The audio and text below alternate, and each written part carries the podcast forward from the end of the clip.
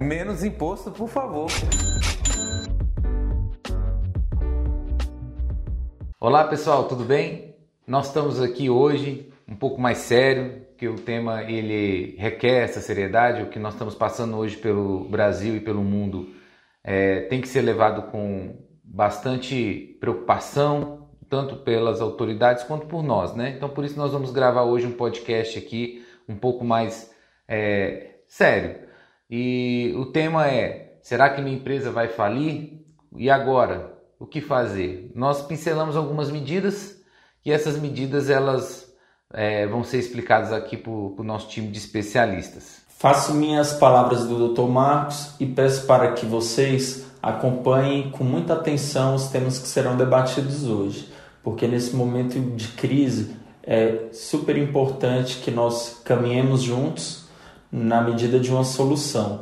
Peço ainda que vocês acompanhem as nossas redes sociais, Instagram, Facebook, YouTube, plataformas de áudio e se cadastrem nos nossos canais. Menos imposto, por favor. Olá, minhas amigas e amigos empresários. Como todos nós sabemos, o mundo está atravessando um momento muito difícil é, na, que está afetando muito fortemente, principalmente a economia, né? É, obviamente, os fatos mais relevantes aí são as perdas de, de, de muitas milhares de vidas que já é, vem acontecendo, né? Principalmente na Europa e, e aqui isso tem afetado de forma muito contundente a economia também, especialmente a, em relação às empresas de uma forma geral. Né? Bom, é claro que neste momento a gente tem que buscar solução para os problemas que estão aí, que chegaram de repente, que a gente não estava preparado, não existia provisão, não existia contingência para nada disso. Então as empresas precisam sobreviver, atravessar essa crise aí, atravessar esse momento difícil, sim, vai ser difícil, mas é, com algumas é, medidas é, a gente pode conseguir aí aliviar esses impactos todos e atravessar esse momento, esse momento que a gente espera que, de acordo com o governo, vai durar em torno de três meses. Então a gente tem que estar preparado para isso, né, para o pior. É, vamos ter um pico muito alto, principalmente em maio e junho, né, de acordo com o governo e a gente tem que se preparar, as empresas têm que se preparar para isso, para atravessar é, esse momento. E quando chegar lá para julho, agosto, eu não sei, setembro, estamos voltando aí ao normal e elas ainda existindo. Ou seja, é, evitar aí a quebra né, das empresas de uma forma geral, porque porque isso tem afetado fortemente, ou vai afetar muito fortemente o fluxo de caixa delas. E fica aquela pergunta, é, como pagar as despesas? As despesas estão aí, né? Todo dia a gente tem é, as contas para pagar. E as receitas, e os faturamentos, e as vendas, e o serviço, como é que vai ser? Então, é, hoje nós vamos tratar de alguns temas que serão importantes para vocês, né, claro. para os empresários de uma forma geral, é, para conseguir é, aliviar aí os impactos dessas, dessa, desse problema que vem acontecendo aí a nível mundial. Peço para vocês que curtam uh, nas redes sociais o nosso, nosso podcast, né? Dando seu like aí, né? E para a gente poder divulgar para o máximo de pessoas, empresários possíveis, é, para que ele consiga entender um pouco do, do, do que ele pode fazer, né? Para é, aliviar é, um pouco é, o impacto dessas, desse, desse acontecimento. Claro.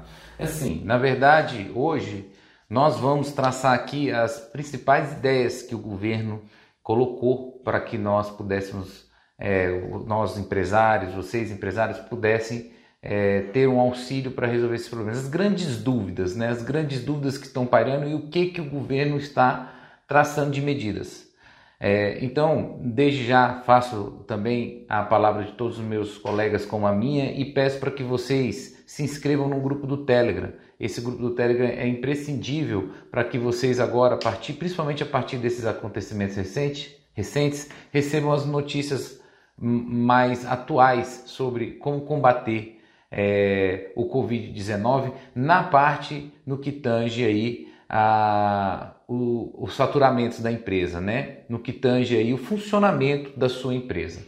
Então eu vou começar com o nosso primeiro, nosso segundo bloco agora, doutor Gilberto, sobre o que, que o governo federal está conseguindo é, fazer de medidas para poder auxiliar aí na parte de tributos, na parte de impostos, como minimizar essa crise das empresas que já é iminente, né? Muito bem, doutor Marcos. É, de fato, o governo federal já se manifestou é, em algumas medidas já oficiais, já tomadas, né? Por exemplo, o Comitê Gestor do Simples Nacional já editou uma, uma norma que é a 152, aonde de 18 do 3 agora, recente, onde ele é, altera o vencimento do, da guia do Simples Nacional, que venceria em abril, maio e junho, para é, outubro, novembro e dezembro. Então vai estar tá na descrição do vídeo aí, viu, pessoal? Essa medida provisória. É, é,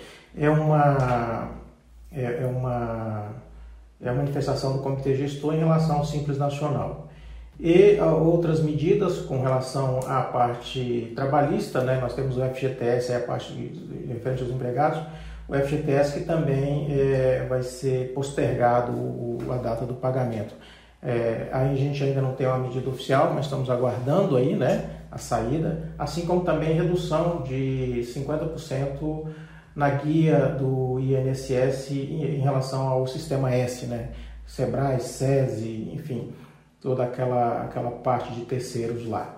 É, também esperando medidas oficiais ainda, né? o governo já, já divulgou que vai de fato fazer isso, mas a gente precisa da medida oficial para poder é, entender para quando serão postergado, como é que vai ser esse desconto também do Sistema S.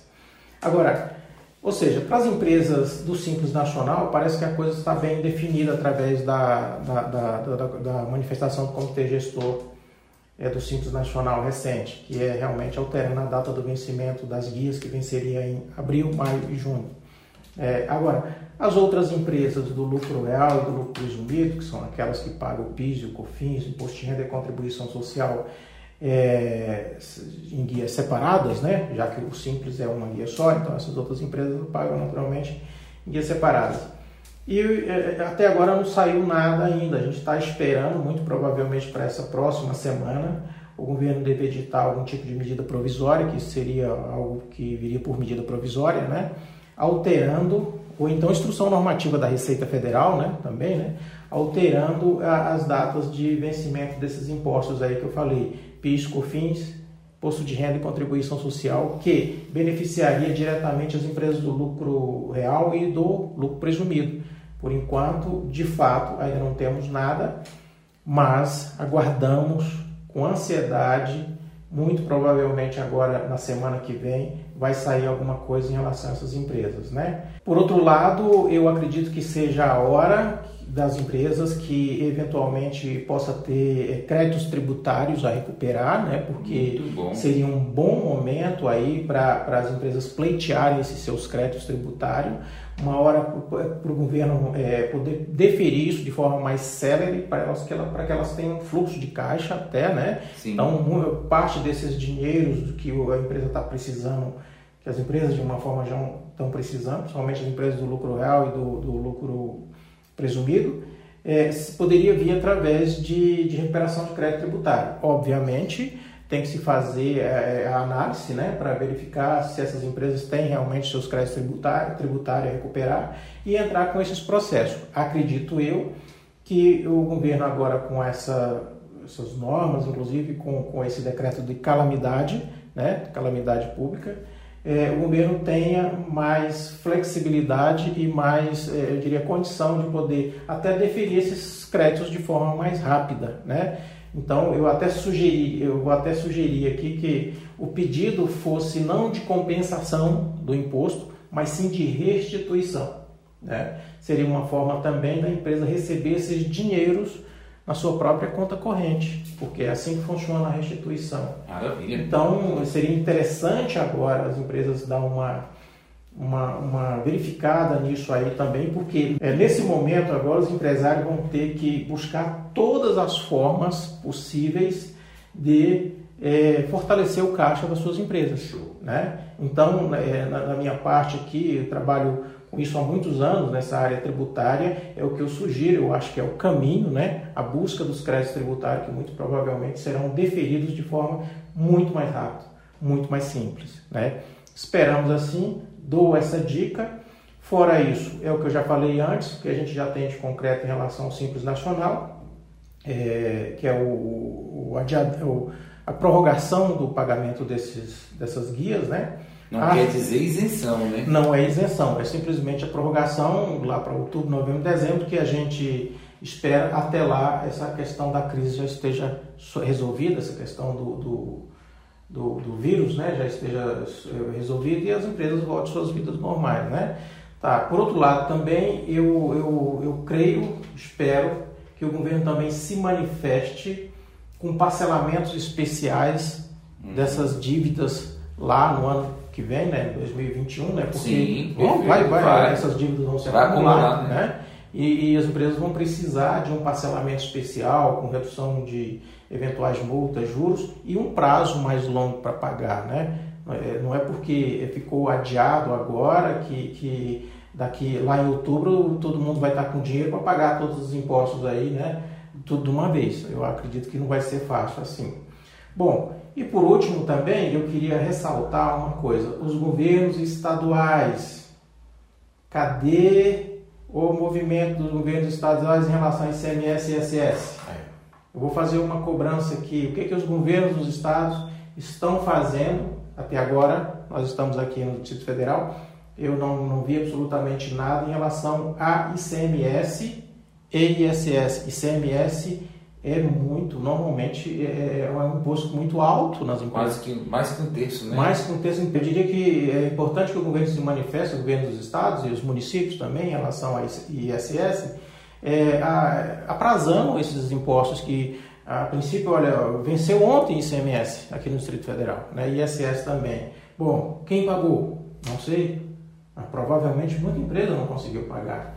Né? E mal começou a coisa, né? Então imagine o mês que vem. Então os governos eles têm que é, se manifestar em relação a isso também, os governos dos estados. Então pegar ICMS e jogar o vencimento lá mais para o final do ano, né? Como o governo federal fez em relação ao, ao Simples Nacional.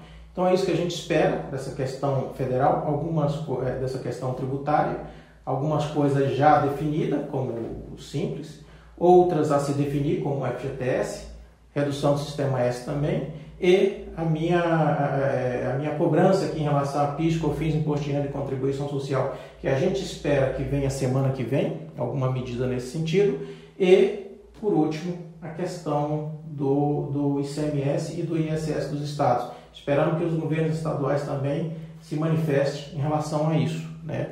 porque na, na atual conjuntura eu acredito que muito dificilmente as empresas darão conta de pagar seus tributos em dia. Muito obrigado, doutor Gilberto. É isso que a gente está é, tá tratando aqui com esse tema. Não, não estou aqui, eu, particularmente como advogado trabalhista, querendo exaurir a temática é, toda sobre quais são as medidas que o governo vai tomar, até porque na minha seara, que é a seara trabalhista, o governo federal ele editou uma medida provisória, mas não a publicou, né? Então a gente ainda não sabe especificamente quais são os efeitos práticos dessa, dessas situações que vão, vão se implementar agora nas empresas. Muitas delas, como teletrabalho, antecipação de férias, férias coletivas, banco de horas, redução de salário, antecipação de feriados não religiosos e a questão que hoje eu já vi em algumas, alguns estados da federação que uh, os sindicatos já estão se movimentando para sindicatos tanto patronais quanto sindicatos laborais para poder fazerem acordos. Porque por mais que o governo federal ele queira editar uma medida provisória geral, é, existem categorias muito específicas. A Mercedes, por exemplo, deu férias coletivas para todos os seus empregados é, outras montadoras também. Mas será que essa medida de férias coletivas ela, ela é para uma pequena empresa ou uma média empresa a saída? Né? Será que a saída agora é demitir os funcionários todos? Porque se você demite os funcionários na hora que essa crise, essa crise acabar, você não tem aquela força de trabalho que antes você tinha treinado e tudo mais para poder compor e conseguir aí vencer né, os desafios. Eu penso o seguinte, que é, o governo federal está falando muito sobre um auxílio a essas empresas, um auxílio de pagamento de salários, né? Porque assim, a redução de salário antigamente, não vou colocar assim antigamente, porque o momento ele é excepcional, é, é uma pedra de toque do direito do trabalho. Mas a própria CLT, ela já permite hoje a redução de 25% em casos de calamidade. Agora, será que 25% na redução é capaz de fazer com que uma empresa continue funcionando? É, tudo bem, o Estado vem e vai ajudar na questão dos impostos, que já vai ser muito, só que se você está fechado, está fechado, shoppings estão fechados, lojas de ruas estão fechadas, nós estamos em quarentena. Né? Então, somente as medidas fiscais vão ser suficientes e os empregos, como que vai ser feito? Então, essa medida provisória que vai ser editada nas próximas semanas vai ser tema de abordagem aqui no nosso canal, vai ser tema de abordagem nas nossas mídias sociais, né, doutor Gilberto? Eu acho que é importante, só que aqui agora eu não tenho como exaurir, tá? É, qualquer atitude que o empresário hoje for tomar frente ao seu empregado, é, tudo bem, vamos colocar aqui um teletrabalho. Ah, eu não consigo seguir todas as regras do teletrabalho que estão dispostas na CLT. Eu não consigo dar todo o maquinário para ele poder trabalhar, ele vai ter que trabalhar com a internet dele, etc e tal. Isso vai ser sim levado em consideração caso um empregado queira ajuizar essa demanda é, nós estamos de fato vivendo uma situação excepcional. Então eu encerro essa minha parte aqui. Gostaria muito de detalhar, mas eu não tenho condições. Vamos deixar para os próximos podcasts, né, doutor Gilberto? E eu queria passar a palavra para o doutor Magno, porque eu sei também que a parte contratual, né, doutor Magno, está sendo muito afetada. Faço minhas as palavras do doutor Marcos e do doutor Gilberto, e aqui eu tenho três temas para colocar em mesa. O primeiro tema é a busca de recursos para dar um fôlego aí na, nas empresas que estão passando por essas dificuldades. O Dr. Gilberto abordou muito bem a questão aí da recuperação dos créditos, mas vocês têm que ficar dos créditos tributários. É, mas vocês têm que ficar atentos às linhas de crédito que o governo federal está é, tá propiciando aí para o empresário estar tá contornando os efeitos dessa crise. Essas linhas de crédito elas podem ser acessadas mediante a consulta de gerentes de bancos públicos e eu creio que não vão ser impostas muitas dificuldades na concessão, até porque o governo ele quer estimular a economia, né? Por isso mesmo já foi anunciado que elas terão taxas de juros baixas é, e, e, vão ter também um, um prazo até que prolongado de carência. É, passando para outro tema, a gente tem que ter muito cuidado também com as nossas obrigações de trato sucessivo. Que obrigações são essas? São as obrigações que se renovam mensalmente, como aluguéis, contratos de franchise, é, prestadores de serviço terceirizado, sistemas que vocês utilizam na empresa de vocês com o advento aí dessa crise mundial, as empresas perderam faturamento e por conta disso, é evidente que elas não vão conseguir é, cumprir com as obrigações ta, tal qual elas eram antigamente. É, por conta disso, existem mecanismos no judiciais de estar tá revisando essas obrigações. Mas antes de estar tá procurando a justiça, eu aconselho que vocês consultem um advogado e peçam até a assessoria desse advogado na elaboração de notificações extrajudiciais, momento em que vocês vão chamar os seus credores para que para estarem revisando as obrigações contratuais. Afinal de contas, vocês vão estar apresentando a queda de faturamento, informar que vocês não têm um ponto de equilíbrio financeiro na empresa atualmente e precisam revisar essas obrigações para que elas continuem sendo cumpridas. É, caso essa tentativa extrajudicial não seja possível, aí então é, é, vocês podem fazer o uso aí do, do acesso à justiça, pleiteando uma revisão de contrato com base na teoria da imprevisão. Nesse sentido, um juiz vai estar analisando a finança da sua empresa, a queda da arrecadação, a queda da, do movimento da empresa e também a dimensão das obrigações. E aí ele vai poder estar equalizando essas obrigações para um patamar que você consiga cumprir. Lembrando que essas obrigações elas podem ser reduzidas, mas apenas pelo período em que a crise perdurar. sendo que quando a crise acaba, elas voltam a, a ser praticadas como eram antes, né? É, o terceiro tema ele diz respeito às obrigações de caráter consumerista, ou seja, você que é um empresário aí, principalmente da área de prestação de serviços, você que tem a sua academia, você que tem a sua agência de viagens, você que atua no ramo da hotelaria. É, nesses segmentos é muito comum que o consumidor ele pague antecipadamente para estar tá utilizando do serviço ao longo do tempo. Por conta dessa crise e por conta da situação de quarentena a qual todos nós estamos submetidos, é evidente que esses serviços não serão prestados. E aí pode ser que o seu cliente venha solicitar uma rescisão contratual. É, eu aconselho que vocês tentem resolver essas questões de forma amigável, ou seja, cheguem a um acordo com o cliente de vocês, até porque se eles levarem essa situação para a justiça, pode ficar bem mais caro. Então eu recomendo que vocês não apliquem nenhuma multa rescisória, afinal de contas o contrato ele está sendo rescindido por um evento inesperado e não pela vontade do consumidor. É, o que vocês podem estar tá fazendo é adotando uma política de rescisão na qual vocês solicitam um parcelamento da devolução dos recebíveis ou então um prazo para devolver. Essa é uma realidade que, inclusive, está sendo aplicada às empresas aéreas, porque eu acho que vocês acompanharam aí o burburinho na mídia a respeito do cancelamento de viagens, é, a, a respeito do cancelamento de diárias de hotel.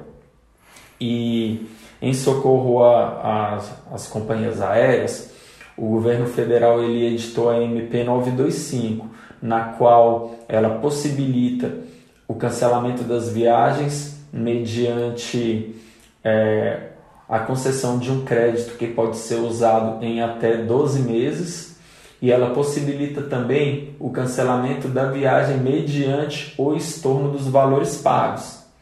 Entretanto, esses valores eles podem ser devolvidos aos consumidores em até 12 meses, ou seja, é justamente o prazo para pagamento. Então eu finalizo esses três temas e tenho a convicção que a sociedade civil ela vai se unir, ela vai ser coerente em entender as dificuldades que todos estamos passando e achar um caminho para estar tá superando essa crise. Eu queria saber do Dr. Gilberto se tem algumas palavras aqui para o nosso encerramento. Sim, é, doutor Marcos, somente recomendações. Né? Eu, eu, eu, espero que vocês possam se cuidar, né? cuidado com o grupo de riscos, idosos, né? se proteger, é, como já foi dito aqui antes, observar as, as recomendações das autoridades, né?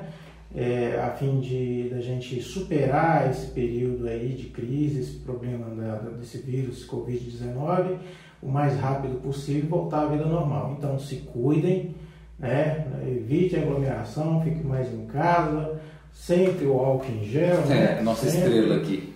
E para a gente passar logo, acabar logo esse problema. Isso vai acabar e nós vamos voltar à vida normal, se Deus quiser. Um abraço a todos saúde. Bom, pessoal, e aí eu queria. Não desliguem não, porque é o seguinte, presta atenção. Essa semana vai ser muito importante, vai ter muitas atualizações. E principalmente medidas do governo. E, o que que e onde que nós vamos passar isso? No nosso grupo do Telegram.